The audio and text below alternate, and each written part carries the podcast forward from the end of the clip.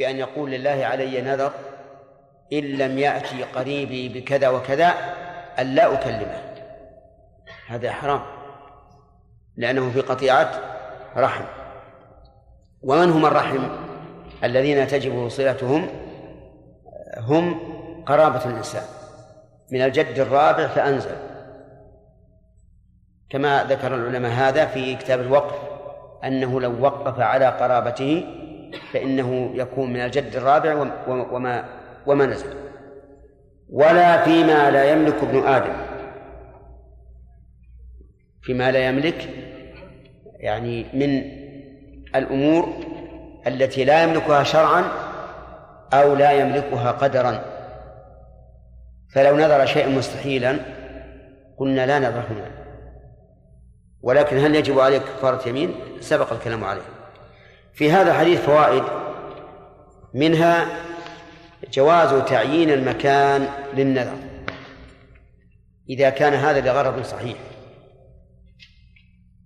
وجهه أن النبي صلى الله عليه وعلى آله وسلم لما ذكر له هذا الرجل انتفاء الموانع قال له أوف بنذرك.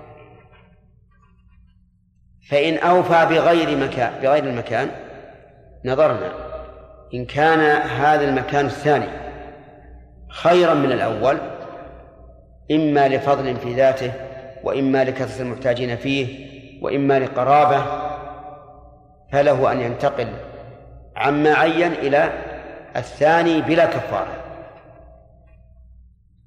دليل ذلك أن رجلا أتى إلى رسول الله صلى الله عليه وسلم في مكة بعد الفتح وقال إني نذرت إن فتح الله عليك مكة أن أصلي في بيت المقدس قال صلها هنا. لأن مكة أفضل من بيت المقدس وأعاد عليه مرتين فقال شأنك إذا. فإذا قال إنسان لله علي نذر أن أصنع طعاما للفقراء في المكان الفلاني. ثم أراد أن يتحول إلى مكان آخر. ننظر إذا كان المكان الثاني أفضل فلا بأس. مثل أن يعين الرياض ثم ينقله إلى المدينة مثلا. لا بأس. ولا وليس عليه كفار. لأنه أبدل النذر في إيش؟ بأفضل منه. إن كان الثاني الذي يريد الانتقال إليه فقراؤه أشد أشد حاجة. فلا حرج. وهذا النقل يتعلق بالمكان ولا يتعلق بأهل المكان؟ بأهل المكان. يقول لا بأس. انقل وليس عليك كفارة. لأن هذا أفضل. إذا كان فيه قرابة له يصلهم بهذا النذر فهو أفضل. إذا كان مساويا فإنه لا بأس أن ننقله لكن عليه كفارة يمين. لفوات المحل المعين. وقد سبق في حديث عقبة بن عامر أن أخته أذن لها الرسول صلى الله عليه وسلم أن تمشي وتركب ولكن عليها كفارة يمين فإذا غير المكان لا لمزية شرعية قلنا لا لا حرج لا حرج ولكن عليك كفارة يمين طيب وإن غيره من فاضل إلى مفضول؟ فإنه لا يجوز. لو نذر أن يتصدق في المدينة ثم أراد أن ينقله إلى بيت المقدس قلنا لا لأنه لم لم يوف بالنذر. ومن فوائد هذا الحديث أنه لا يجوز الذبح لله في نعم حول الأصنام والأوثان. وجهه أن النبي صلى الله عليه وسلم رتب الإباحة على انتفاء الوثن أليس كذلك؟ فدل هذا على أنه لو وجد لو وجد الوثن فإنه لا يجوز أن يذبح ولو كان الذبح لله لماذا؟ لئلا يغتر أحد بفعله حيث يظن أنه ذبح إيش؟ لغير الله ذبح للوثن. وهذا يتفرع عليه فائدة أخرى أكبر وهو سد ذرائع الشرك. ولو كانت بعيدة لأن النفوس ربما يوسوس لها الشيطان حتى تترقى من الوسيلة البعيدة إلى الوسيلة القريبة إلى أن أن تمارس الشرك. من فوائد هذا الحديث أيضا أنه لا يجوز أن يخص المكان إذا كان مخصوصا لأعياد المشركين. دليله؟ هل كان فيه عيد من أعيادهم لأنه لا يجوز موافقة المشركين في أعيادهم وهو لو نذر و آه، قضى النذر في الوقت الذي هو يوم عيد الكفار كان مشابها لهم في تعظيم هذا اليوم. وعلى هذا يتبين أنه لا يجوز مشاركة الكفار في أعيادهم. وهذا يعني مشاركتهم في أعيادهم إن لم يكن كفرا فهو حرام قطعا. لأن مشاركتهم في أعيادهم الدينية رضا بدينهم. ومن رضي بدين يدان به لله عز وجل غير غير غير الإسلام فإنه مكذب كافر لأنه مكذب للقرآن. فإن الله يقول ومن يبتغي غير الإسلام دينا فلن يقبل منه.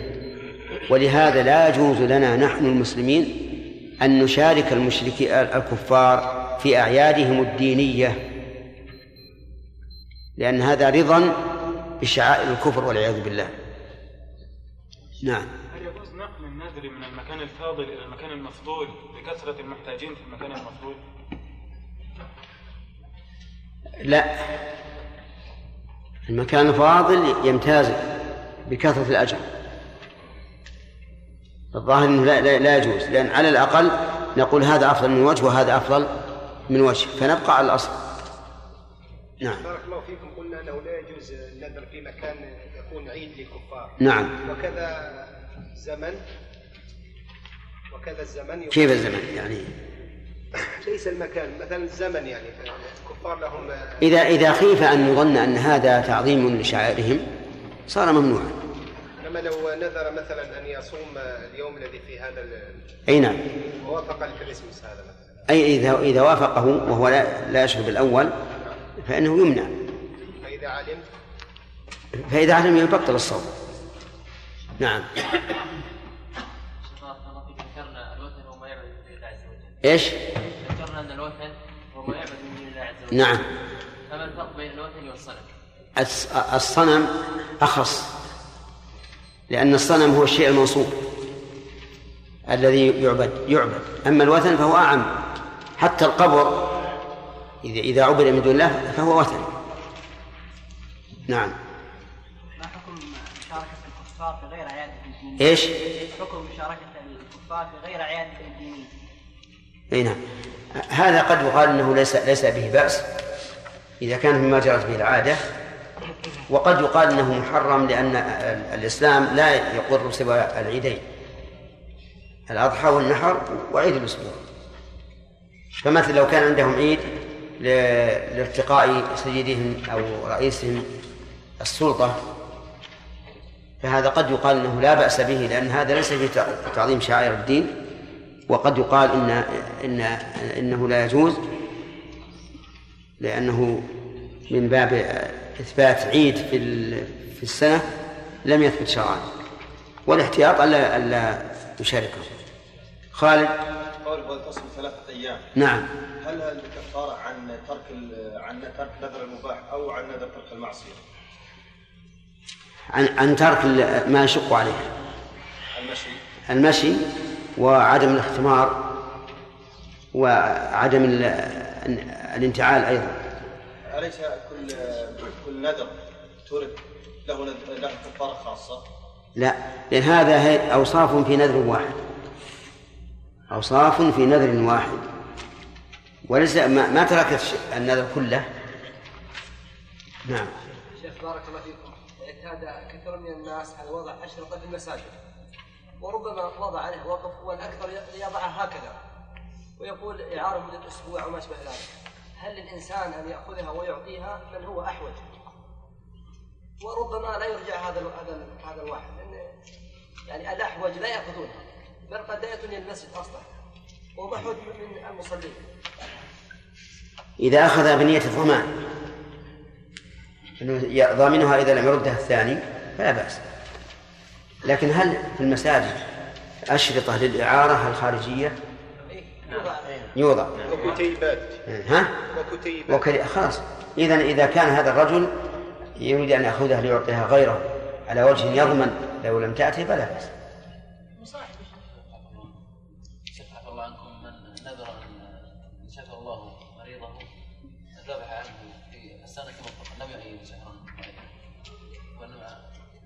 هذا بمجرد ما يشفى يجب عليه الوفاء وهل يستمر إلى إلى طول حياته ذلك ال- المشفي الذي مرة واحدة. شفاه الله من هذا المرض. كل سنه ها؟ يقول كل سنه لا. لا ما حاجة. لأن أخشى بعد أن أن يجعلها عيدا. كلما جاء هذا الشهر راح يذبح يذبح. طيب من وقع منه ماذا يفعل؟ يكفر كفارة يمين ويلغيه. نعم من نذر نذرا على ان لا اتكلم مع لأنه هو تارك الصلاة. هل هذا قطيعه ولا وهل في رحم نعم. ما تقول في هذا؟ رجل أبوه تا- تارك للصلاة. فنذر أن لا يكلمه يعني ما دام تاركا للصلاة. نعم. هل هذا قطيعة؟ فلا يجوز الوفاء به. أو هو طاعة؟ فيجوز الوفاء به. قطيعة يا شيخ. قطيعة ينظر ينظر. إن كان يستفيد الأب من عدم من, من, من عدم الصلة بأن يتوب إلى الله ويرجع صارت القطيعة طاعة. وإن كان لا يستفيد فلا يجوز. نعم. شيخ أحسن الله إليك إذا أوفى بنذره وذبح عنده هل يجزئه ذلك؟ هل إيش؟ يجزئه هذا النذر؟ هل يجزئه هو مو هذا نذر أن يذبح في المكان الفلاني. وذبح. ها؟ لا هذا لا يجوز ولا ولا يجزئ. لأن أصبحت الذبيحة هذه محرمة. نعم. إذا كان مثلا إنسان مرت عليه سنة من السنوات مناسبة طيبة كزواج مثلا أو على وظيفة فكل ما أتت هذه هذا الزمن يعني لا ما يجوز. يعني إنسان مثلا حصل مناسبة إما زواج وإلا وظيفة وصار كلما مر زمن هذه الوظيفة والزواج سوى حفلة. إيه هذا لا يجوز. هذا هو العيد. نعم. شيخ إذا ن... أحسن الله إليكم. إذا نذر إنسان أن يصوم بعد رمضان من اليوم الثاني من شوال الستة الأيام في كل سنة نذر عليه كل سنة وبعد السنين تأتي عليه مرض في هذه الأيام. نعم. فما حكم ذلك؟ حكم ذلك أنه إذا كان لا يستطيع إطلاقا فإنه يطعم عن كل يوم مسكين كالشيخ الكبير في رمضان وإن كان يستطيع يعني يرجو الشفاء فإذا شفي صام وأطعم وكفر يمين. لا إله إلا الله. اللهم رب هذه الدعوة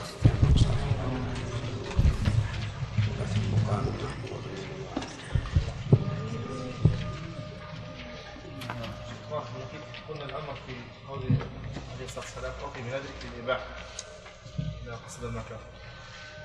باعتبار المكان. أما باعتبار أصل النظر فواجب قلنا إذا كان آه، يريد أن ينقل النذر من مكان إلى مفضول فلا يجوز ذلك. الرسول مو بلازم ان الرسول كل نص يذكر بها بقية الشروط. السنة يكمل بعضها بعضا فإذا علمنا أن الرجل أذن أن النبي صلى الله عليه وسلم أذن للرجل أن يصلي في مكة بدءا عن بيت المقدس؟ لا يحتاج انها تذكر في كل مكان. نعم. شيخ بارك الله فيك. عفى الله عنكم يا شيخ. بالنسبة لا لا لورا. إذا إذا إذا نذر نذر معين إلى مكان معين ولم في مكان. في مكان معين ولم يقدر على حمل ذلك المندوب إلى على؟ ولم يقدر على حمل ذلك المندوب إلى ذلك المكان. أي نعم. يشتري؟ يشتري بدلة. هل يجوز ان يوفي بقيمته مثلا؟ يشتري بدلة. مثلا نضع أن يذبح هذه البقرة في المكان الفلاني نعم. وخالي من الموانع. البقرة ما هي ماشية. ولا في سيارة تحملها. يشتري بقرة هناك. النخلة ما هي تنذر إلا إذا كانت ثمرتها يمكن. نعم. انتهى وآله وأصحابه أجمعين. ما تقول في رجل نذر أن يصوم شهر رجب ومات قبل أن يدخل شهر رجب؟ ما حضرت لكن أجيب إن شاء الله. طيب. ما عليه شيء لكن أصبر. ليس عليه شيء. لماذا؟ لا يكلف الله نفسا إلا وسعها. ما أدرك الشهر هو مات قبل أن قبل دخول رجب. إيه؟ لا يقضي إيه لا ليس عليه شيء. طيب وهل يلزم القضاء عنه؟ لازم لماذا؟ لأنه سقط عنه قبل لأنه لم يدرك الزمن الذي عينه في النذر كذا؟ طيب آه، لو أنه أدرك ذلك يا طه نعم يا شيخ أدرك ذلك ولكنه كان مريضا أيقضى عنه أم لا؟ لو أنه أدرك ذلك آه، وكان مريضا نعم ثم مات ينظر يا شيخ إذا أو يقضى عنه أو يطعم عنه ينظر إن كان مرضه ذلك آه، لو كان ذلك لو كان مرضه ذلك يوجب القضاء نعم. آه، أو الإطعام في شهر رمضان نعم. فيصنع في ذلك النذر مثل ما يصنع في شهر رمضان فما متى يقضى عنه؟ إيش؟ أقول متى يقضى عنه؟ هذا التفصيل اللي قلت فصل بين متى يقضى عنه إذا كان مرضه يرجى برؤه نعم آه، ويمكنه أن يقضيه لو لو زال عنه المرض نعم لكن لو كان مرضه ميؤوسا من شفائه فإنه يطعم عنه. طيب. يعني كما كان كما لو كان في رمضان. كما لو كان في رمضان. طيب. وإذا كان يرجى برؤه ولكن لم يبرأ. وإذا كان يرجى برؤه ولكن لم يبرأ ومات. نعم. هذا يقضى عنه مثل هذا. يقضى عنه؟ اي طيب. توافقون على هذا؟ من لا نعم إذا كان يرجى برؤه ثم لم يتمكن مم. لم نعم. لم يبرأ لأنه إذا كان رمضان هكذا وهو الواجب في في أصل الشرع. نعم. الواجب بالإيجاب عن نفسه لا طيب. يعني معناها أنه يحدى بأحد واجب بأصل الشرع. فالذي يرجى برؤه نقول انتظر حتى تبرأ فإن مات فلا شيء عليه. وأما الذي لا يرجى برؤه فمن أصل لا لا يجب عليه الصوم وإنما يطعم عنه عن كل يوم مسكين. طيب في لماذا استفهم النبي صلى الله عليه وسلم الرجل هل كان في هذا المكان بوانة عيد أو وتن لأن تخصيص الذبح آه، لهذا المكان يحتمل أنه خصصه به وجود صنم فيه كان يذبح له. فسأل النبي صلى الله عليه وسلم هذا محظور يعني لا- فيما فيما لو قال نعم فيها. لا يأمر بالوفاء لأنه حينئذ يكون نذر معصية. لا يجوز الوفاء لأنه نذر معصية. معصية. لكن إذا كان يريد أن يذبح لله في هذا المكان. لا يجوز له كذلك. لماذا؟ لأن في تشبه المشكين من جهة ومن جهة أخرى قد يغتر به الناس يظن أنه يذبح هذا الوثن فيذبحون له. يعني مشا- مشارك للمشركين في المكان. طيب. وكذلك إذا كان عيدا فهو مشارك لهم في الزمان. طيب. هل في الحديث حديث ضحاك ما يدل على أن قطيعة الرحم عظيمة؟ نعم. يحيى. كيف؟ لأنه قال لا لا يجوز الوفاء. لا يجوز. لا وفاء. لا. وفاء لنذر في قطيعة الرحم طيب. إذا يعني فهذا يدل على أن قطيعة الرحم يعني في عظيم يعني لا يجوز. لكن ما وجه ذلك؟ وجه ذلك أنه إذا كان إذا كان يعني النذر في قطيعة الرحم لا يجوز لا يجوز وفاء نعم. يحيى. إذا كان نقول الوفاء بالنذر هو واجب وهنا لا يجب يعني فكان. خطأ. الشيخ عطفها على المعصية. أحسنت. أطع التنصيص عليه مع أنه داخل في قوله لا مفاعل هذا في معصية الله. لكن النص عليه يدل على على عظمه. نعم. طيب. آه، رجل قال لله علي نذر أن أعتق عبد فلان. لا ينعقد النذر. لماذا؟ لأنه فيما لا يملك. طيب. وهل يلزمه كفارة يمين؟ يلزم. لأنه لم يفي بالنذر. وهذا وهذا قادر عليه لأنه يمكنه أن يشتريه ثم يعتقه. ليس كلام بالمستحيل. نقرأ الآن درس جديد. قال وعن جابر رضي الله عنه أن رجلا قال يوم الفتح يا رسول الله إني نذرت إن فتح الله عليك مكة إلى آخره. قول أن رجلا يرد هذا كثيرا في الأحاديث يبهم الرجل وذلك لأن تعيينه ليس ذا كبير ذا كبير فائدة. إن علمنا بذلك فهو خير لا شك وإن لم نعلم فالمقصود إيش؟ حكم هذه القضية. قال يوم الفتح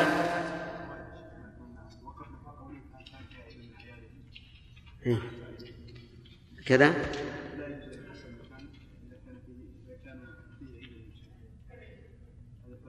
طيب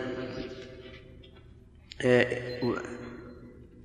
لو تقرأ علينا نشوفه قال لا يجوز ان يخص المكان اذا كان فيه من المشركين وعليه لا يجوز مشاركه النصارى في اعيادهم فان لم يكن فان لم يكن كافرا فهو محرم إيش؟ فإن لم نعم طيب من فوائد الحديث إذن من فوائد الحديث أنه إذا إذا قوي الاحتمال وجب على المفتي الاستفصال. إذا قوي الاحتمال وجب عليه الاستفصال. وهنا الاحتمال قوي إذ أنه يقال لماذا خص هذا المكان؟ فلذلك استفصل النبي صلى الله عليه وسلم من هذا السائل. أما إذا كان بعيدا فإنه لا يستفصل. فلو سئل الإنسان عن رجل مات عن أبيه وأمه لا يحتاج أن يقول هل أبوه كافر أو مسلم أو ما أشبه ذلك. لو سئل عن رجل جامع زوجته في نهار رمضان لا حاجة إلى أن يستفصل ويقول هل هو جاهل أو ناسي أو أو متعمد أو ما أشبه ذلك. لكن إن قوي الاحتمال فإنه يجب الاستفصال ومن فوائد هذا الحديث وجوب ومن فوائد هذا الحديث جواز تخصيص النذر بمكان إذا كان خاليا من معصية لقوله أوف بنذرك. فإن نقله إلى مكان آخر نظرنا إن كان أفضل فلا بأس. وإن كان دون ذلك لم يجوز. وإن كان مثله جاز ولكن عليه كفارة يمين. كما سيأتي في الحديث الذي بعده. ومن فوائد هذا الحديث تحريم الوفاء في نذر المعصية لقوله لا وفاء لنذر في معصية الله. والمعصية إما ترك واجب وإما فعل محرم. ومن فوائد هذا الحديث أيضا تحريم الوفاء في قطيعة الرحم وفاء النذر. فلو قال لله علي نذر أن لا أكلم أخي. قلنا هذا حرام. ولا يحل لك أن تفي أن تفي بذلك النذر لكن عليك كفارة يمين. ومن فوائد هذا الحديث أيضا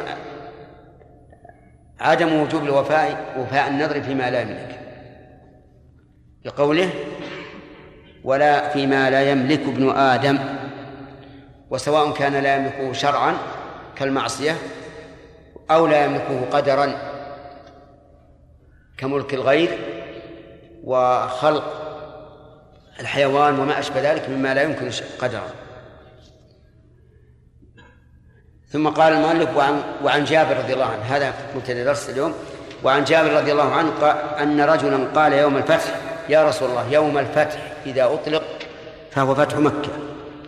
ويطلق الفتح على صلح الحديبية. كما في قوله تعالى لا يستوي منكم من أنفق من قبل الفتح وقاتل. أولئك أعظم درجة من الذين أنفقوا من بعد وقاتلوا وكل وعد الله الحسنى. فالمراد بالفتح هنا فتح صلح الحديبية لأنه لا شك أن الله أنه حصل به فتح كبير. صار المسلمون يأمنون وكذلك الكفار يأمنون على دمائهم وأموالهم. وقوله آه إني نذرت إن فتح الله عليك أن أصل مكة أن أصلي في بيت المقدس. هذا يتضح منه جليا أن هذا النذر نذر عبادة وليس نذر عادة لأن الصلاة ليست من العادات التي يفعلها بعض الناس كالصدقة والإنفاق وما أشبه ذلك. يقول أن نصلي في بيت المقدس ولا ندري لماذا خص بيت المقدس مع أن مع أن عنده المسجد النبوي وهو أشرف البقاع بعد مكة لكن ما لا ندري ما السبب أنه خص بيت المقدس. قال هل صلي ها هنا. صلي ها هنا أي في مكة. لأن مكة أفضل من بيت المقدس. فسأله يعني أعاد السؤال فقال صل ها هنا. فسأله فقال شأنك إذن. يعني اصنع شأنك أي ما تريد. إذن أي حين لم تقبل الرخصة. ففي هذا الحديث آه، دليل على فوائد. الفائدة الأولى أن الإنسان إذا نذر فإنه يجب عليه الوفاء بالنذر. لقول الرسول صل ها هنا. ومن فوائده أنه يصح النذر المعلق إني نذرت إن فتح الله عليك مكة. وسواء كان النذر المعلق على شيء عام أو على شيء خاص. كما يصح النذر المطلق. ومن فوائد هذا الحديث أنه يجوز الانتقال عن النذر إلى ما هو أفضل منه. لأن النبي صلى الله عليه وعلى آله وسلم قال صلها هنا. وعلى هذا فإذا نذر أن يصلي في مكة لم يجز في غيره لأنها أفضل البقاع وإذا نذر أن يصلي في المدينة في المسجد النبوي جاز في المسجد النبوي وجاز في مكة. وإذا نذر أن يصلي في بيت المقدس جاز في بيت المقدس وفي المسجد النبوي وفي مسجد في المسجد الحرام لأنه انتقل إلى ما هو أفضل. ومن فوائد هذا الحديث أن الإنسان لو نوى أن ينفق في شيء من من أعمال البر ثم أراد أن ينقله إلى شيء آخر أفضل فلا بأس. يرحمك الله. ومن ذلك إذا وقف وقفا على طائفة معينة أو على جهة معينة ثم أراد أن ينقله إلى مكان آخر إلى مكان آخر أفضل فلا بأس. فلو أن الإنسان وقف بيته على طائفة معينة ثم رأى من المصلحة أن يبيع هذا البيت وينقله إلى بيت أفضل في مكان الناس فيه أحوج. فإن ذلك لا بأس به وهذا القول هو القول الراجح ويدل عليه هذا الحديث. والمشهور من المذهب أنه لا يجوز بيعه أي الموقوف إلا أن تتعطل منافعه. فما دام فيه منفعة ولو قليلة فإنه لا يجوز بيعه. لكن الصحيح ما قدمناه لدلالة الحديث عليه. ومن فوائد هذا الحديث أن الإنسان إذا أراد أن يشق على نفسه فإننا نوليه ما تولى. ذلك لأن هذا الرجل أرشده النبي صلى الله عليه وعلى آله وسلم إلى أن يصلي في المد... في مكة ولكنه أبى إلا أن يشق على نفسه فقال شأنك إذا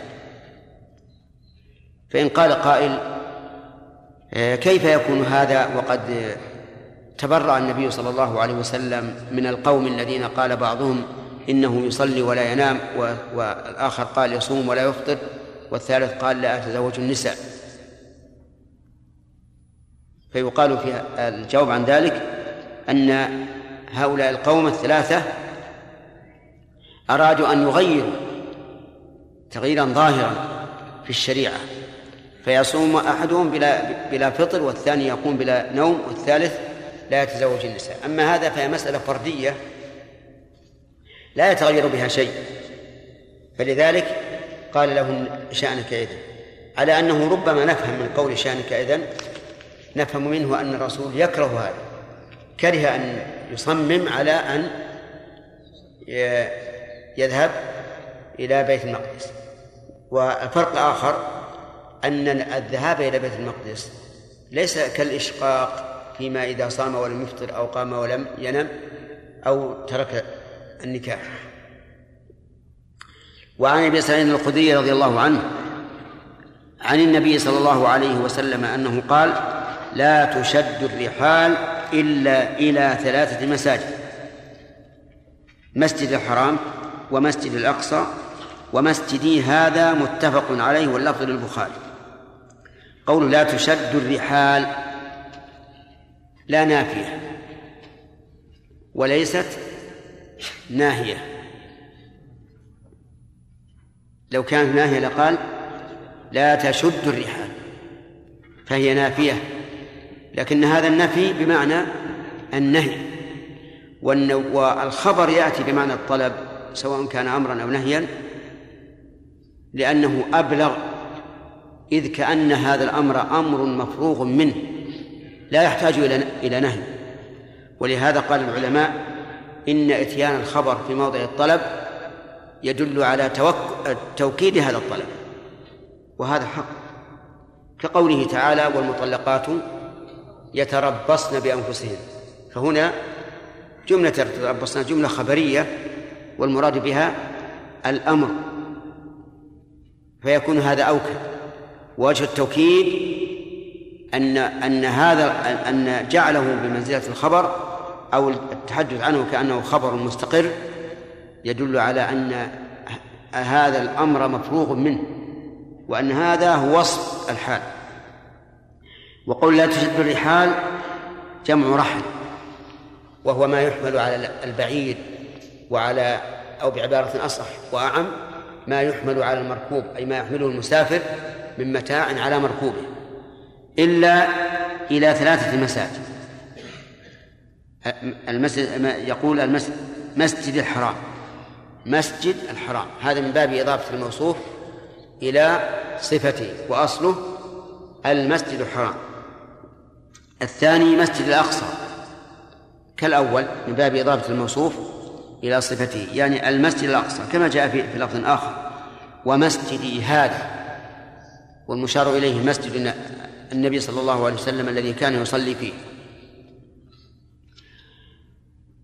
فهذا الحديث كما ترون يدل على أنه لا لا يجوز شد الرحل إلى أي مكان من الأرض إلا إلى هذه المساجد الثلاثة لأن هذه هي البقع المفضلة على غيرها.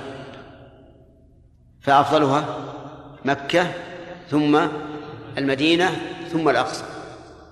وما سواها من البقع فإنه لا يجوز شد الرحل إليها من أجل هذه البقعة. أما إذا كان يشد الرحل إليها من أجل أمر آخر لا يتعلق بالبقعة فلا بأس. كما لو رحل كما لو شد الرحل إلى بلد أكثر علما أو أيسر مؤونة أو ما أشبه ذلك. فهذا لا يقال إنه شد الرحل تعبدا بالمكان بل يقال إنه شد الرحل لهذا الغرض الآخر. فمن فوائد هذا الحديث فضيلة هذه المساجد الثلاثة. ووجه ذلك أنها هي التي أذن إلى شد أذن بشد الرحل إليها.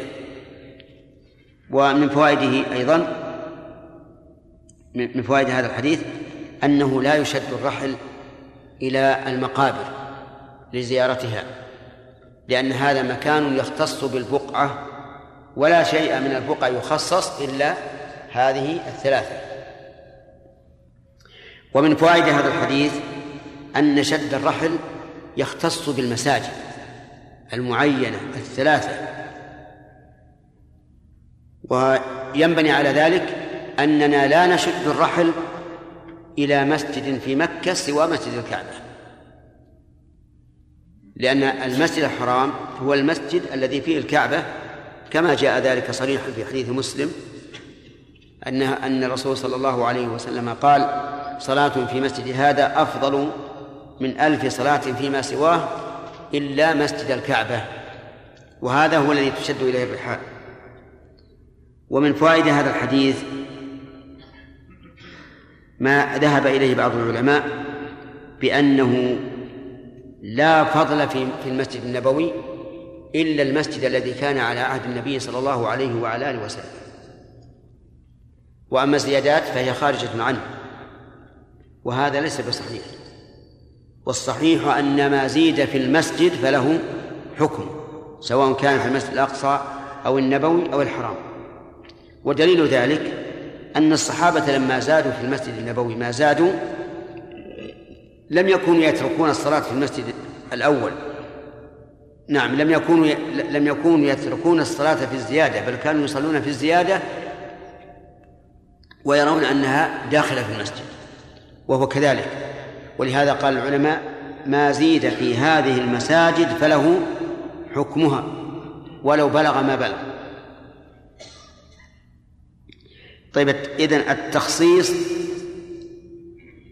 بمكان معين من أجل البقعة ينهى عنه. عن شد الرحل إليه. أما إذا كان لغرض آخر فلا بأس به كالتجارة أو علم أو سورة مؤونة أو ما أشبه. وعن أبي سعيد بن الخدري نعم. قال وعن علي وعن وعن عمر رضي الله عنه قال قلت يا رسول الله إني نذرت في الجاهلية أن أعتكف ليلة في المسجد الحرام. قال أوف بنذرك. متفق عليه. وزاد البخاري في في رواية فاعتكف ليلة. إني نذرت أن أعتكف. الاعتكاف قال العلماء في الأصل هو لزوم الشيء.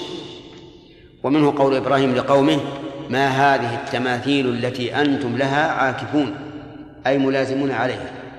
وفي الشرع لزوم مسجد لطاعة الله. لزوم مسجد لطاعة الله عز وجل. فلو لزم المسجد لغير الطاعة إما لكونه لا مبيت له ولا أهل له أو ما أشبه ذلك فليس بمعتكف. ولو لزم غير المسجد لطاعة الله فإنه ليس بمعتكف. وإن لقوله تعالى وأنتم عاكفون في المساجد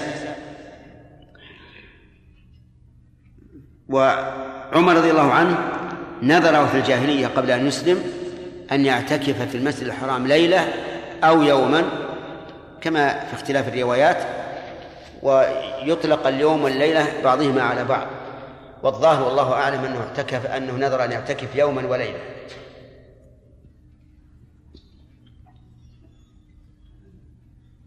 فمن فوائد هذا الحديث أن تخصيص النذر بالمسجد الحرام يجب أن يقضى فيه.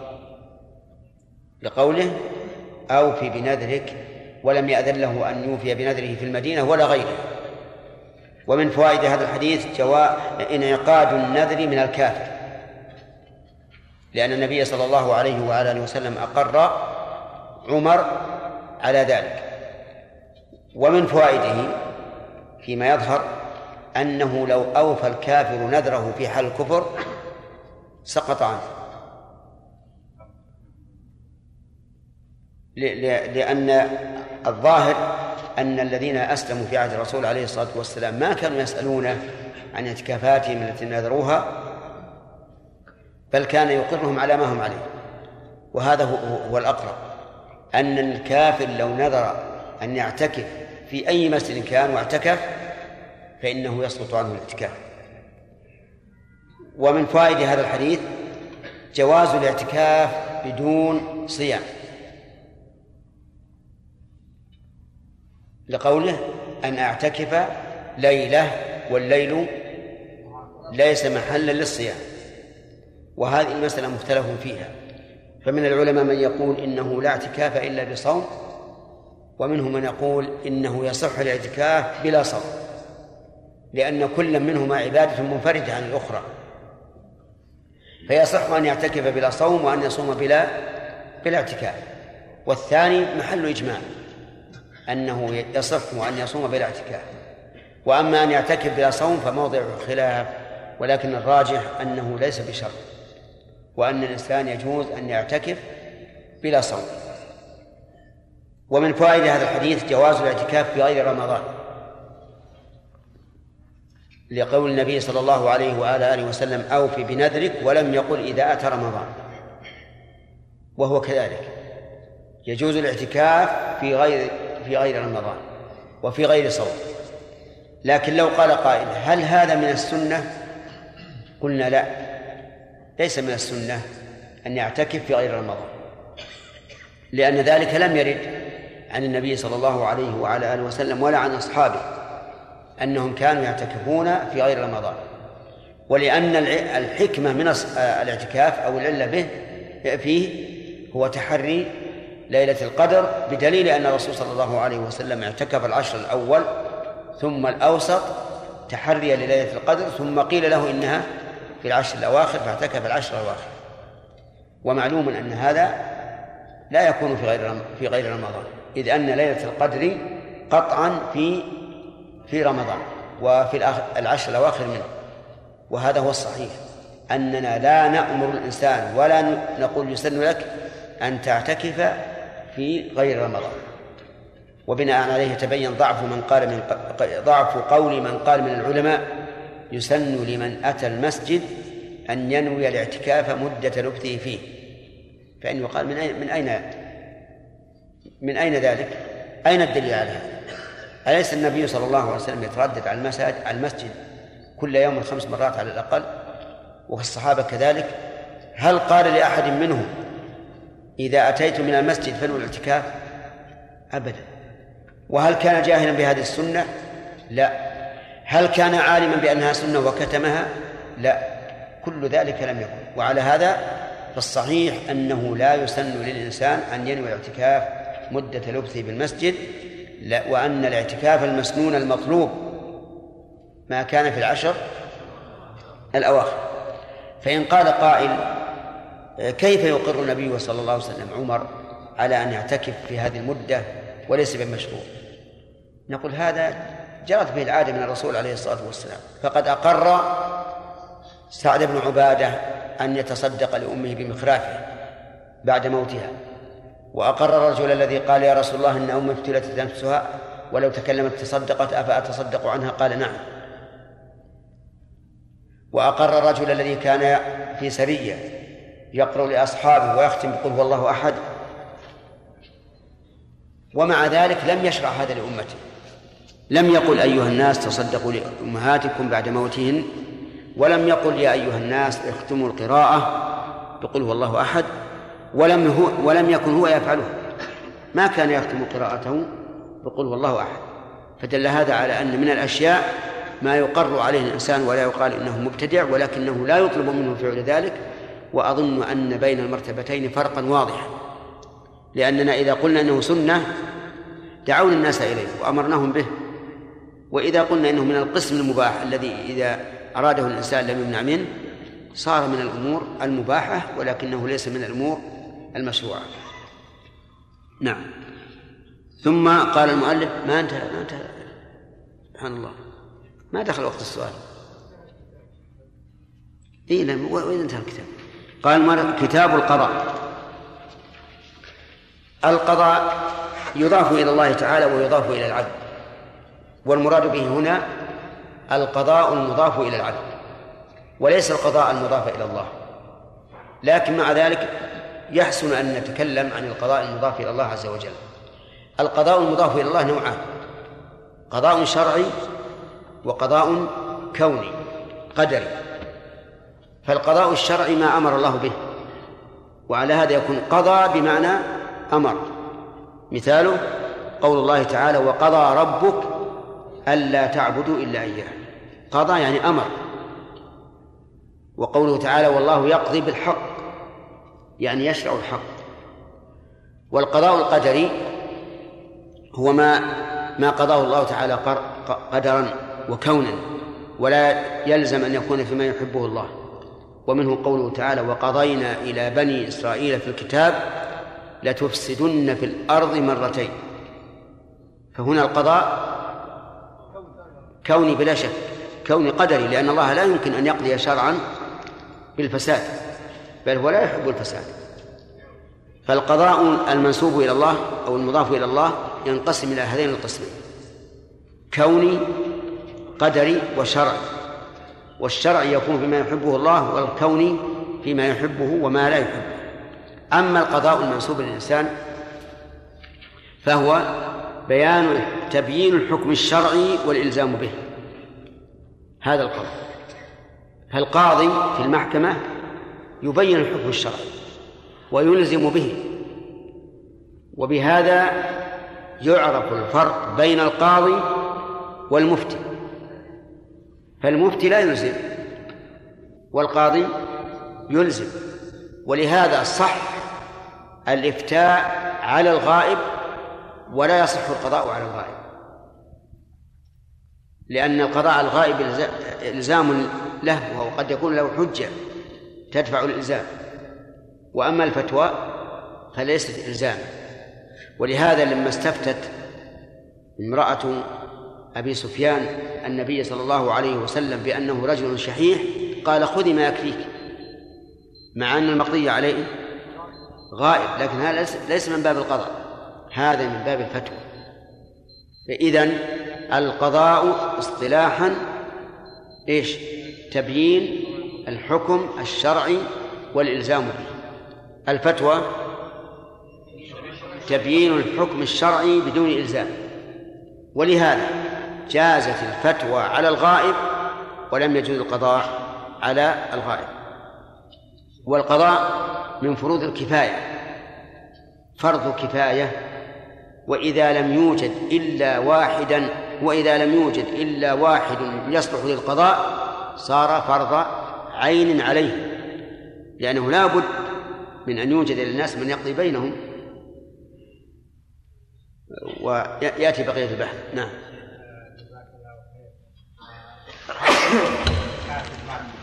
إيش؟ في اعتقاد المرء اعتكاف المرء إيش؟ في اعتكاف المرء نعم. اعتكاف المرأة جائز.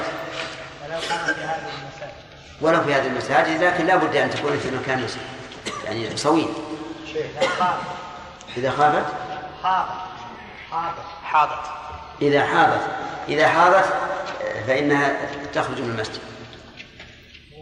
والإعتكاف هو الذي ما. نعم. الاعتكاف لا يؤذن أما إذا كانت حاضت وأرادت أن تعتكف وهي حائض من أول فهو لا يصح اعتكافه ولا ينعقد. نعم. شيخ بارك الله فيكم لو أوقف رجل بيتا مثلا أو شبهها ثم بعد ذلك توفي فجاء القاضي أو الناظر وكان قد أوقفها الواقف على مثلا للعزاب دون المتزوجين. فجاء القاضي أو الناظر فرأى من المصلحة أن تكون للمتزوجين أكثر. فهل له ذلك؟ ومثل هذا مثلا لو أوقفها على متعبدين فغير الناظر إلى طلبة العلم. نعم. آه، إذا إذا أوقفها على على أهل العبادة ثم رأى نقلها إلى طلبة العلم فلا بأس. أما إذا أوقفها على العزاب ثم رأى نقلها إلى المتأهلين فهذا ينظر لأن العزاب يحتاجون كما يحتاج المتأهل.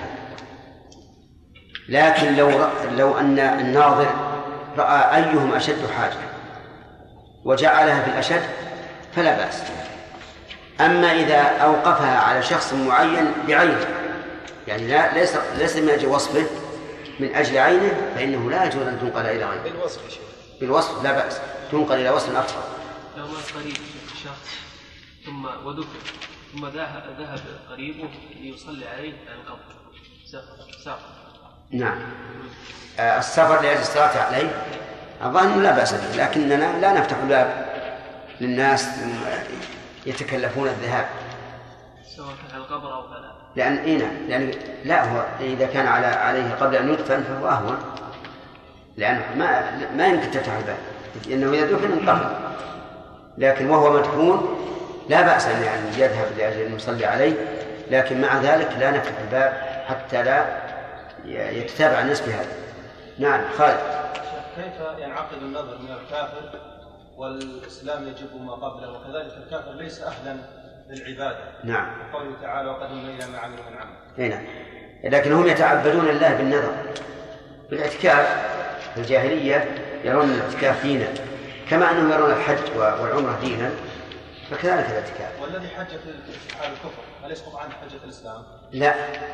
كالنذر لا الن- النذر لأنه هو الذي أوجبه على نفسه. وقضى. أوجب على نفسه أن يحج فحج. أما حجة الإسلام فهي أصلا لا لا, لا توجه للكافر حتى يسلم. نعم.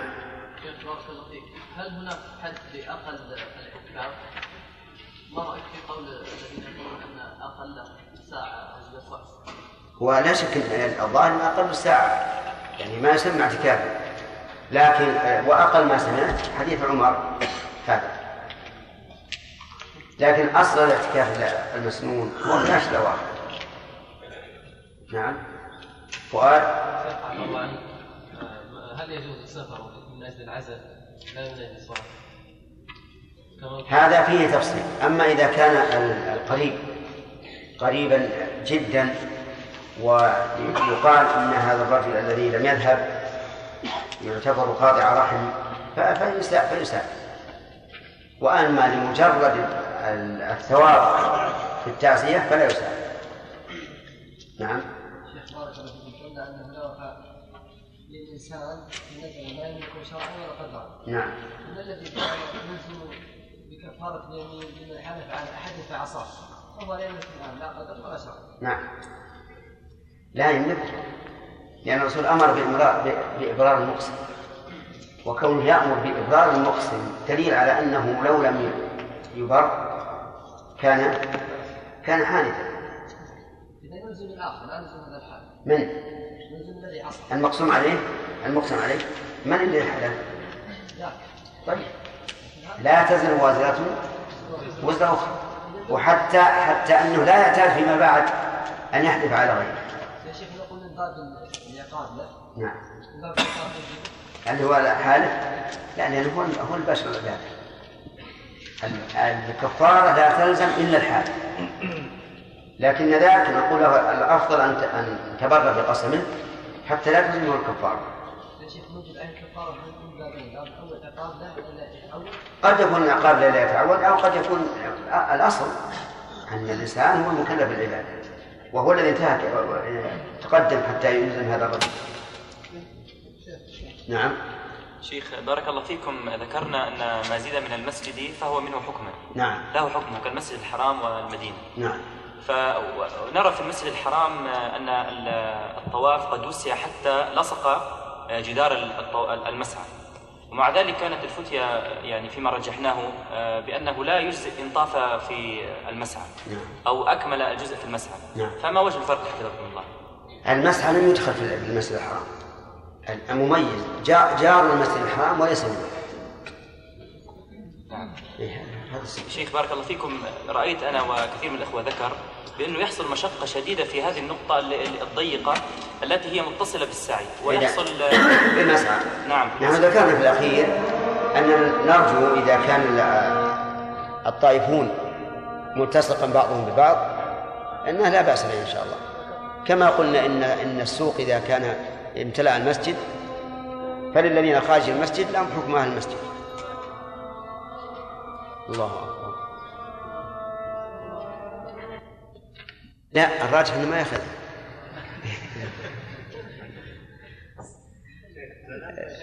لاحتمال إن إن إن نعال سرقت تحصل صحيح. في الحرم تحصل دعاء نعم. شيخ رضي الله عنه من صنع عليه حديث الذي مر علينا لا الاسلام يعني كان في القلب ان هذان ان هذين الحديثين دخيلان على الكتاب من صنع عليه معروف جزاك الله خير ولا لا لا أما لا تشد الحال واضح لأن الإنسان قد ينظر أن يشد الرحل إلى مسجد في الرياض أو مسجد في في بريده أو مسجد في عنيزة ربما. واضح المناسبة لكن من صنع عليه معروف هذا عجزنا نعرف الوجه. نعم. إي نعم ما في إشكال. هذا ضعيف لأن نفس ابن مسعود رد على حذيفة قال لعلهم ذكروا ونسيت. نعم. إي نعم. ترى ما ندري عن الوقت يا جماعة لا يروح علينا. انتهى الوقت؟ يقول هل هل يمكننا القول في التعليق؟ على حديث أسامة بن زيد أن رسول الله صلى الله عليه وسلم قال من صنع إليكم معروفا فقال في عليه فقال هل نقول في مناسبة إراده كتاب الأيمان والنذور أنه لأن لئلا يشق يشفق المرء على نفسه ويحلف على فاعل المعروف بأن يكافئه مكافأة لا ما ما يا أخي ما هو بهذا وحي منزل نحتاج إلى؟ الإنسان يهم حتى في أدنى شيء.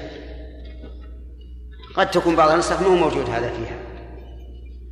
يعني التكلف إلى هذا الحد ما له داعي. نعم.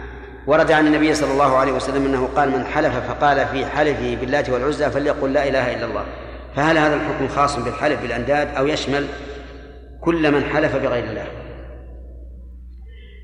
القياس أنه خاص بالأنداد التي تعبد من دون الله لأن الشرك فيها شرك أكبر.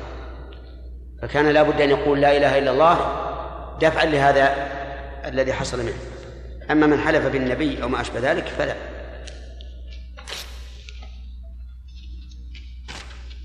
وهذا الأيمان والنذور. الأيمان يا هداية الله فسرها لنا. فسرها لنا. الأيمان والنذور. لا بس الأيمان. الأيمان جمع اليمين. نعم. بصيغة بصيغة معظم تأكيد الشيء بذكر معظم بصيغة مخصوصة. واضح؟ طيب. آه، ما هي حروف القسم؟ القسم ثلاثة. وهي؟ الواو والباء والتاء. طيب. ما هو الحرف الذي؟ آه، نعم. ما هو الحرف الذي يستعمل أكثر من غيره؟ الواو يستخدم أكثر ثم الباء وتليها التاء تختص بالله وحده. اصبر ما وصل ثم التاء. طيب. آه الواو هي أكثر ما يوجد في القسم. لكن أيها أكثر استعمالا أي في وجود فعل القسم وحذفه والحلف بالظاهر والمضمر. الواو. الواو. يعني هذه أوسعها؟ شرح. شرح بس ما أصلا ثنتين ثلاث الباء ها تستعمل؟ هذه واحدة اصبر ما جد ما طلبت المثال. ها. وأيضا وجود فعل قسم وفعل أداة نعم في القسم وعدم طيب. مثالها مع الظاهر والمضمر. نعم. وفعل القسم؟ وعدمه؟ بالله نعم. بالله لا تفعل طيب. لكن الأكثر استعمالا هي هي الواو. عوض. الواو تدخل على الضمير؟ لا يستعمل مع فعل القسم؟ لا. لا. لا يستعمل. يستعمل. لا لا لا لا يستعمل طيب هل هل تقرن بفعل القسم أو لا؟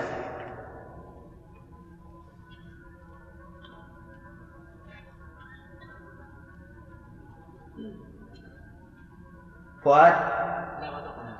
طيب هو قال لا تردد؟ طيب. إذا هي من هذه الناحية أضيق من الباء التاء. يلا يا أحمد سهل. تقرن بال... بالاسم الظاهر. طيب وكل اسم ظاهر؟ لا. ها. بالله عز وجل وبالرسول. وبرسوله لا لا. بالرسول شرك بالله فقط سبحانه وتعالى بالله فقط؟ نعم. أو بصفة من صفاته أو أو إذا معناها كغيرها. لفظ الجلاله تلونا عليكم كلام ابن مالك في الألفية لفظ الجلاله والتاء لله ورب. قال ابن مالك والتاء لله ورب. هذه ما ما ما تقرن إلا بالله مثل تالله لاكلن أصنامكم. ورب تقول ترب الكعبة ترب النبي. طيب. النذور فسرها لنا جمع نذر وهو.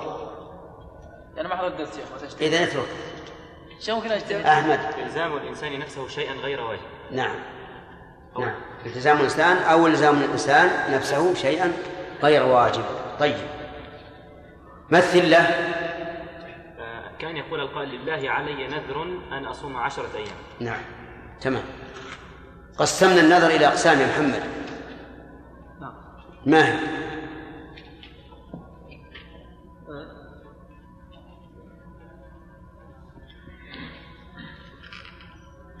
نذر مطلق ونذر معين. المطلق أن يكون لله عليه الله عليه النذر خطأ. ما حضرت؟ لا ما رجعت الأخير رجعت ما رجعت لا لا إله إلا الله. رجعت الأيمان. الأمام والنذور قسمناه خمسة أقسام. خمسة أقسام. القسم الأول نذر الطاعة. نعم. والثاني؟ نذر المعصية.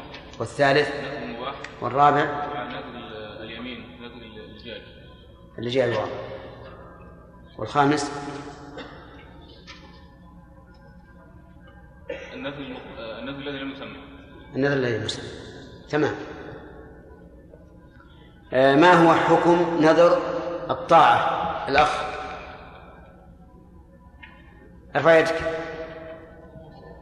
لا اللي وراك. اللي ورا اللي وراك. أي نعم. نذر الطاعة؟ حكم نذر الطاعة. نذر الطاعة واجب ال- الوفاء به. يجب الوفاء به. الدليل؟ الدليل آه، أوفوا بالعهود. إيش؟ أوفوا بالعهود. لا. من نظر أن يطيع الله فليطعه من نذر أن يطيع الله فليطيعه طيب. وهل هناك دليل من القرآن؟ فأعقبهم نفاقا في قلوبهم الله ما نعم. هو قوله تعالى ومنهم من عاهد الله إلى قوله فأعقبهم نفاقا في قلوبهم. طيب بارك الله فيك. النذر المحرم؟ لا يجب الوفاء به لا يجوز الوفاء به.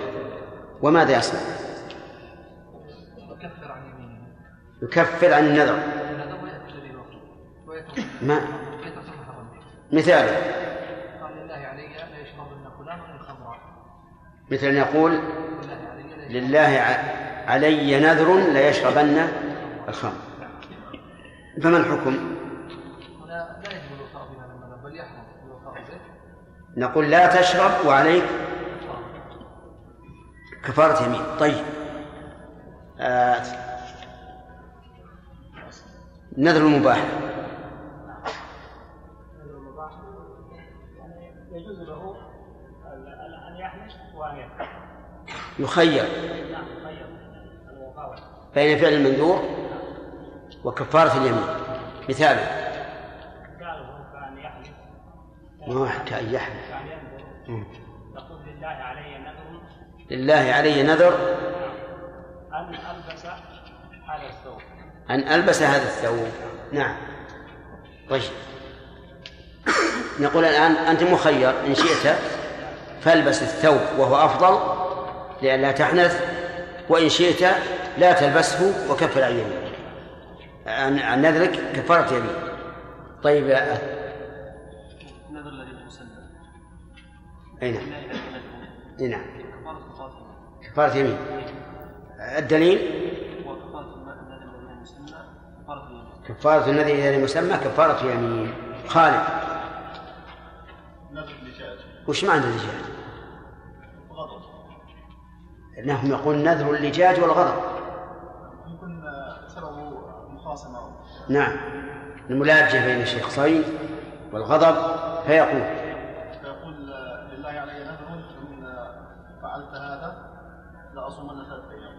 إن فعلت ولا فعلت؟ إن فعلت. أنت المخاطب. الخطب إن فعلت هذا لا لأصومن مثلا. أو إن خرجت يكون بين الرجل وزوجته مشاجرة نعم. يقول لا إن إن خرجت فلله علي نذر آه، ثلاثة أيام صيام طيب ما ماذا إذا خرجت ماذا يكون؟ هو مخير بين الو- بين الوفاء وبين اليمين طيب ما الفرق بين هذا وبين نذر نذر المباح؟ إن هذا سببه لجاج وعلق معلق. أما المباح غير معلق. يعني وأيضا المقصود بهذا التأكيد أو التصديق أو التكذيب. طيب بخلاف المباح.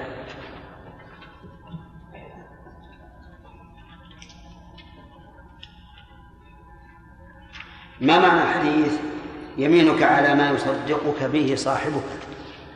جمال أن المعتبر هي ما يقع في ذهن المستحيل من النية. هي نية صورة المسألة. يعني يقول مثلا كان يطلب فلان من آخر أن يحلف أن يحلف له في أمر ما. فحلف فهنا النية المعتبرة نية المستحيل لا نية الحال إيه صورة المسألة.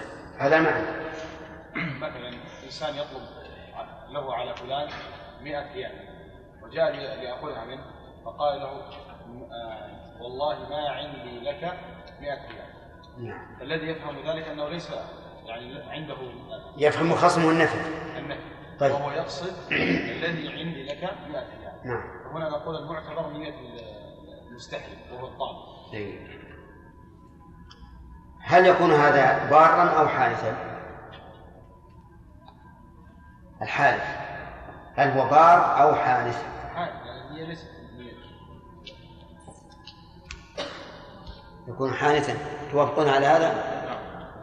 نعم. نعم شيخ. نعم شيخ نعم. هذا خلاف بين لا. ما في خلاف. أمام الحاكم عند الله وعند الحكم عند نعم. يكون بارا ولكنه يأثم يأثم ب... يأثم ب... يأثم بهذا ال... بهذا اليمين. إذا كان كاذبا. هو كاذب. يكون آثما طيب.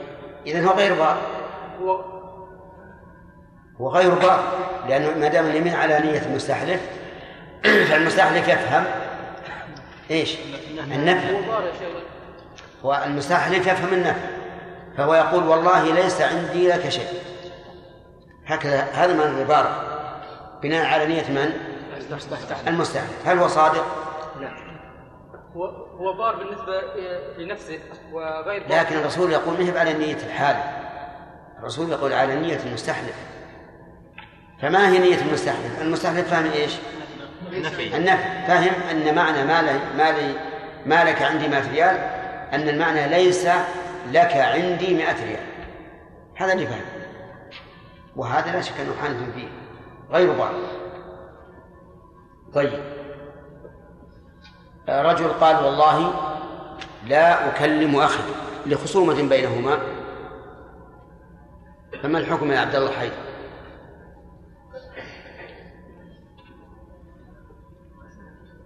قال والله لا أكلم أخي لخصومة بينهما؟ وش اللي ما يجوز؟ هل الأفضل أن يمضي اليمين ويبر فيها أو الأفضل أن يحنث و ويكفر عن يمينه الدليل ما هو نذر لا يا أخي. حلف حلف. حلف على محرم طيب ما نريد أنت قلت لأنه وكلمة لأنه يعني تعليل أبي أريد دليلا. وجد خيرا منها يا شيخ. إيه ما هو الدليل؟ ما هو؟ لا نقبل أطراف الحديث. لا بد من الأصل كله. حامد؟ لمن؟ لعبد الرحمن بن سمرة. نعم. وإذا حلفت؟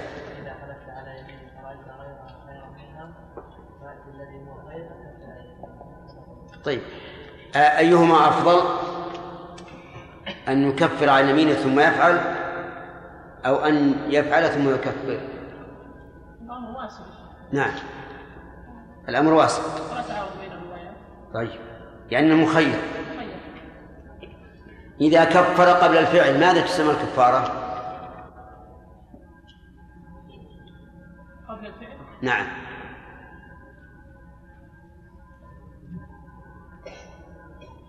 تسمى إيش؟ رهين وبعده؟ صح. كفارته إطعام عشرة مساكين وفي وفيما قبل قد فرض الله لكم تحلة أيمان. نعم.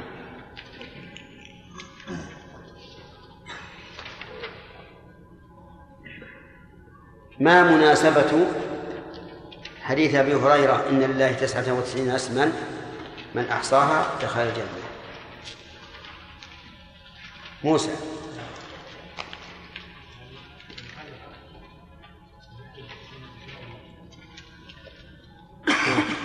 أنه يجوز أن يحلف بأي اسم من أسماء الله تعالى بارك الله نقف على هذا لأن نعم. المراجعة إن شاء الله المقبلة آخر باب النبوة. أما الآن فنأخذ درسا جديدا.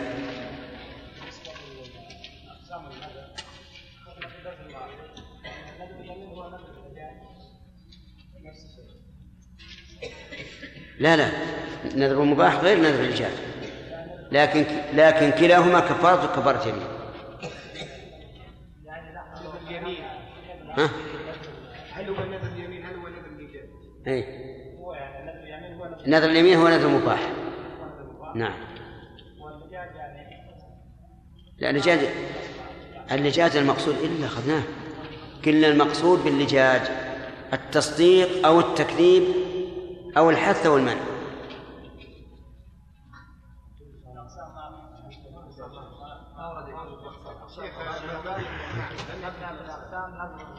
نذر اليمين بدل نذر الايجاب طيب. الطاعة والمعصية والمباح. المباح هو ال- ال- اليمين. هو نذر اليمين. طيب. على كل حال نذر الإجاج هو أن يعلق نذره على شيء يقصد به المنع أو الحث أو التصديق أو التكذيب. هذا نذر الإجاج. مثال المنع أن يقول والله لئن فعلت كذا لأصومن سنة. هل قصده الطاعة؟ ما قصده الطاعة. ولا نذر شيء مباح. إنما علق نذره بهذا ليمنع نفسه من فعله. الحث اعكس. قال والله إن لم أفعل كذا لأ- لأصومن سنة. هذا المقصود بإيش؟ حث نفسه على الفعل. التصديق هذا في مقابلة المخاطب. قال أخبر بخبر. قال حصل كي- كيت وكيت. فقال له المخاطب قال له كذبت. قال إن كنت كاذبا فلله علي نذر أن أصوم سنة كاملة. وش غرضه بهذا؟ أن يحمل المخاطب على التصديق العكس إذا أخبره المخاطب بخبر فقال إن كان إن كان ما أخبرتني به حقا فلله علي نذر أن أصوم سنة ما المقصود؟ التكذيب هذا هذا هو نذر الإجاج أن يعلق نذره على شرط يقصد به الحث أو المنع أو التصديق أو التكذيب كفار يخير بين هذا أو. بين أن يفعل ما علق عليه النذر أو يكفر كفارة يمين سم قال والله لا فعلن كذا ما يشترط في النذر كيف؟ هذا يمين والله هذا يمين إن حصل كذا لأصومن كذا إيه؟ يكون يمين هذا. لا لا هذا نذر الإجابة كل نذر معلق على شرط يقصد به الحث أو المنع أو التصديق أو التكذيب فهو نذر الإجابة بس أنا قصدي ولو لم يتكلم بالنذر لا لا بد أن يتكلم لا بد أن يتكلم بالنذر. اليمين شيء والنذر شيء آخر. بسم الله الرحمن الرحيم. قال الحافظ رحمه الله تعالى كتاب القضاء ونقل عن بريدة رضي الله تعالى عنه قال قال رسول الله صلى الله عليه وسلم القضاة ثلاثة اثنان في النار وواحد في الجنة. رجل عرف الحق فقضى به فهو في الجنة ورجل عرف الحق فلم يقض به وجار في الحكم فهو في النار ورجل لم يعرف الحق فقضى للناس على جهل فهو في النار. رواه الأربعة وصححه الحاكم. بسم الله الرحمن الرحيم. سبق لنا أن القضاء هو بيان الحكم الشرعي. كم؟ والإلزام به. وأن الفتوى بيان الحكم الشرعي دون الإلزام. ونقول إن القضاء من أفضل الولايات التي يقوم بها المسلم لأنه ينفذ حكم الله في عباد الله. ولأنه إذا لم يتولى القضاء من هو أهل له تولاه من ليس بأهل له ولهذا قال العلماء إن تولي القضاء فرض كفاية إن قام به من يكفي وإلا تعين عليه. وتهرب بعض السلف منه لأن العلماء في وقتهم كثيرون. وإذا تهرب إنسان وجدنا من تكون به الكفاية. لكن إذا قل العلماء الموثوقون فإنه لا ينبغي أبدا أن يتهرب الإنسان منه. وقول القائل أخشى أن أجور في الحكم. نقول حتى وإن جرت في الحكم بعد الاجتهاد فلك أجر. لأن النبي صلى الله عليه وعلى آله وسلم قال إذا حكم الحاكم فاجتهد فأصاب فله أجران وإن أخطأ فله أجر. ثم إنك قد تخطئ وقد تصيب. لماذا تغلب جانب الخطأ؟ أليست الإصابة لمن أراد الحق واجتهد هي الأكثر؟ وإذا كانت هي الأكثر فلماذا نتهرب خوفا من الأقل؟ وقد قال الله تعالى لداود عليه الصلاة والسلام يا داود إنا جعلناك خليفة في الأرض فاحكم بين الناس بالحق ولا تتبع الهوى فيضلك عن سبيل الله.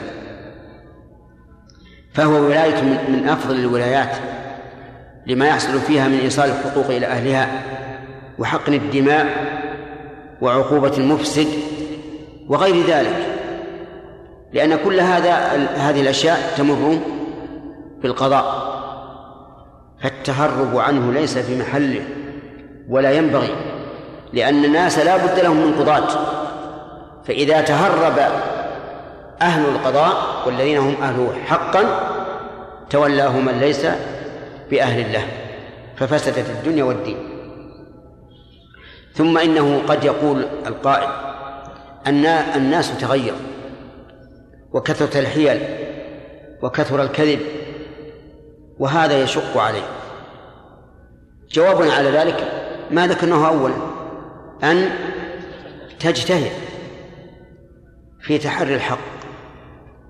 فإن أصبت فلك أجران وإن أخطأت فلك أجر واحد. ثم إنه ينبغي للقاضي أن يكون عنده فراسة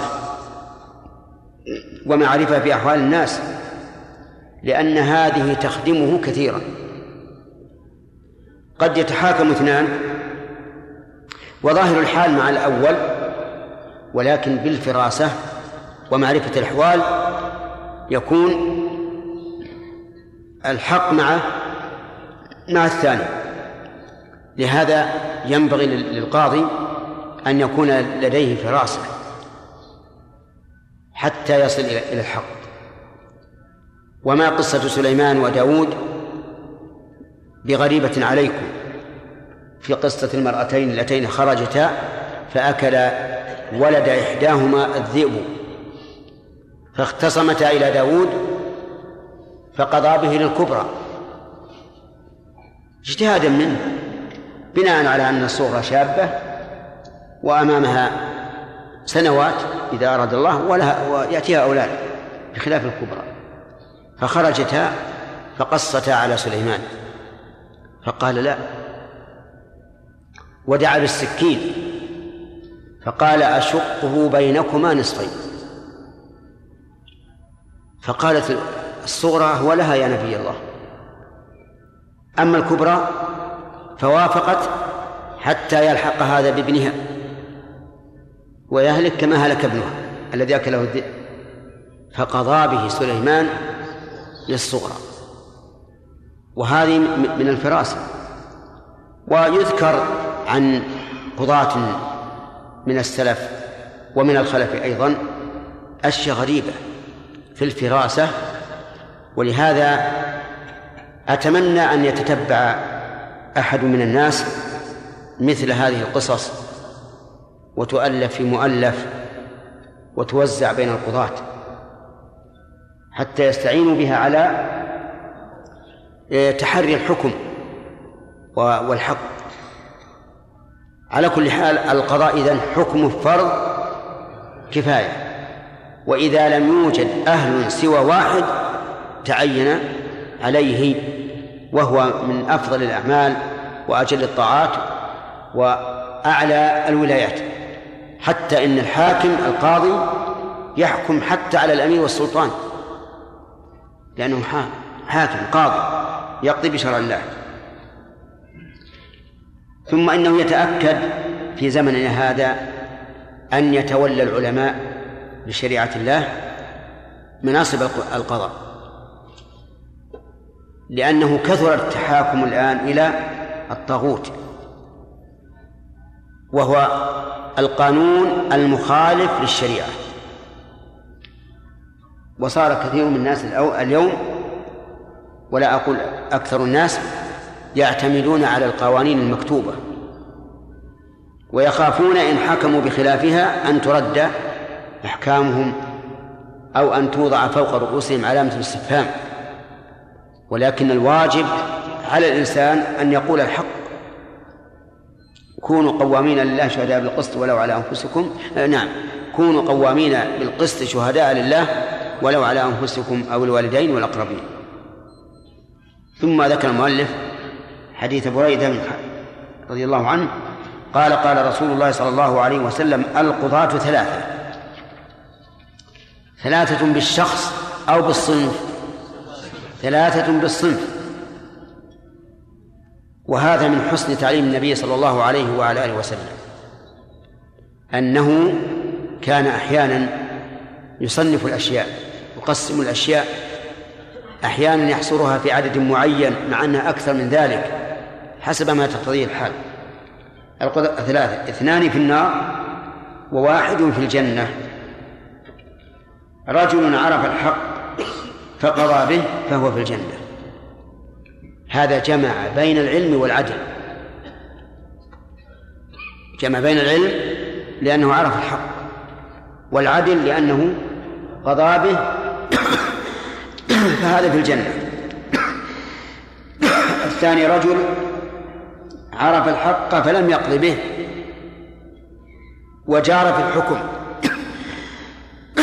قول وجار في الحكم من باب عطف التفسير. تفسير ولم يقض به. لأنه إذا لم يقض بالحق لزم من ذلك الجور لأن ما خالف الحق فهو جور وعلى هذا فيكون قوله وجرى بالحكم من باب عطف. إيش؟ من باب عطف التفسير لا عطف المتباين التباين. فهذا في النار. والثالث رجل لم يعرف الحق. فقضى للناس على جهل فهو في النار. إنسان نصب نفسه قاضيا بسبب هيئته وبزته وزيه فنصب نفسه قاضيا لكنه أجهل من الحمار. لا يعرف الحق فقضى بغير الحق. هذا في النار. وأيهما أعظم؟ الثاني أو الثالث؟ الثاني. الذي عرف الحق ولم يقض به. هذا أعظم والعياذ بالله لأن هذا من صنف المغضوب عليهم. والثالث؟ من صنف الضالين. والمغضوب عليهم أقبح حالا من الضالين. جت الأسئلة. وهذا في النار هل في النار ام ما وصلنا الشرح الأحكام يا شيخ. نعم. شيخ بارك الله فيكم في بعض البلاد التي لا التي لا تحكم بشرع الله. آه، هناك قاض يحكم بالشرع فإذا جاءه إنسان قد زنى وهو محصن حكم عليه بالرجم. ولكن إذا حكم عليه بالرجم فكأنه قال أنه بريء. فخرج ولا شيء عليه. ويعني و... وإذا حكم عليه بالقانون الوضعي فتنفذ فيه الحكومة. فهل له أن يفعل يعني أن يعاقبه بغير شرع الله؟ يعني يحكم بالشرع ولا ينفذ؟ ولا ينفذ نعم. طيب. هو لا يك... هو لم لا يكلف إلا القضاء بالشرع. والتنفيذ على غيره. يعني من أزمنة متطاوله وتنفيذ الأحكام الشرعية على غير القاضي. فالواجب عليه أن يحكم بالشرع إن نفذ فهذا المطلوب وإن لم ينفذ فالإثم على مانع. شيخ. نعم سليم. الله عنك مثلا يا شيخ انسان يطلبني يطلبني 100 ريال. على المثال اللي اللي مر عليه. وكان متحكم أنا وياه عند عند القاضي ولا عند أمير وأنا ما معي شيء. ولكن عهد ادري لمني لمني مع التحكم اني اني بسكن وبقول ما مالك عندي 100 ريال لا وأنا أشوف إني ما إني ما يعلم مني يعني مني نفي نفي الموضوع. ولكن أنا نويت إني افتك من من من السجن وخلص هو لما طلعت رحت خلص من لا قال والله ما لك علي حق. ما لك علي حق. هذا صحيح. هذا صحيح بالنفي. لأنه ليس له حق أن يطالبك وأنت محسن يا شيخ وش وش في هذه؟ لما لما نويت أنا نويت اني اخلص من السجن ما يجوز يا أخي. إلا قال والله عندي لك 100 ريال وتفضل أخذها. نعم. اللي على الجدار. شيخ بارك الله فيك. ما حكم من يخير بين الحكم الشرعي ولا القانون الوضعي ثم يختار آه، القانون الوضعي بما أن يحكم أن الأنثى تساوي الرجل؟ هذا ما هذا حرام. هذا لا يجوز أن يخير بين حكم الله وحكم الطاغوت فيختار حكم الطاغوت. نعم. أقول المخير جاهل جار. جاهل. جاهل. وعلى كل حال حرام. وإذا وجد مانع يمنع من العقوبة فنعمل بالمانع.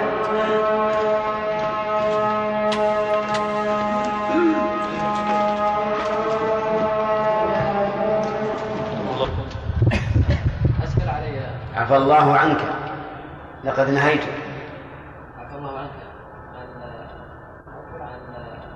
عن علي قول النبي صلى الله عليه وسلم في تسمية الكفارة قبل الحن كفارة. فقال وليأتي الذي هو خير. نعم فليكفر فليكفر. كفارة اليمين ثم ليأتي الذي هو خير. في رواية داود نعم. وقلنا بأن الكفارة قبل الحن تسمى تحل نعم. فلا الحل؟ هذا هذا هو الأصل. الأصل أنها تحل وقد يطلق عليها كفارة باعتبار لا- لو لو حنث من قبل كفر. لأن لا يصدق عليه أنه فعل ما لا, ما لا ينبغي إلا إذا فعل. نعم محمد. بارك الله فيكم. قلنا إن القضاء يعني فيه من الخير خير خير عظيم نعم.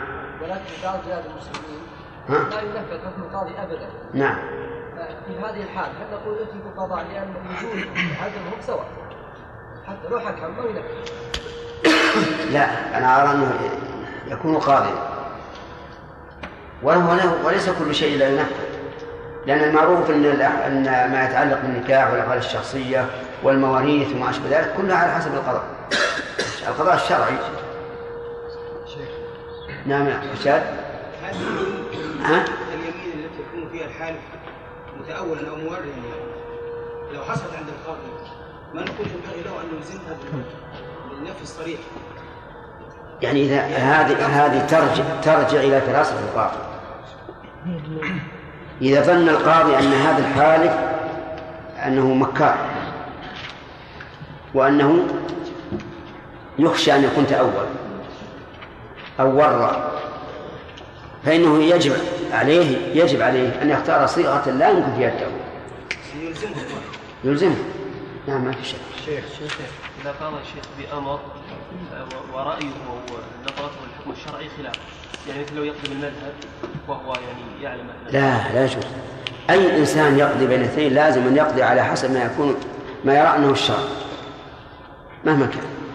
حتى لو قيل له أحكم بالمذهب ولو خالف ما تراه لا يجوز أن يلتزم بهذا. نعم. بارك الله فيك. لو كان هناك انسان في بلاد يحكم شرع الله عز وجل.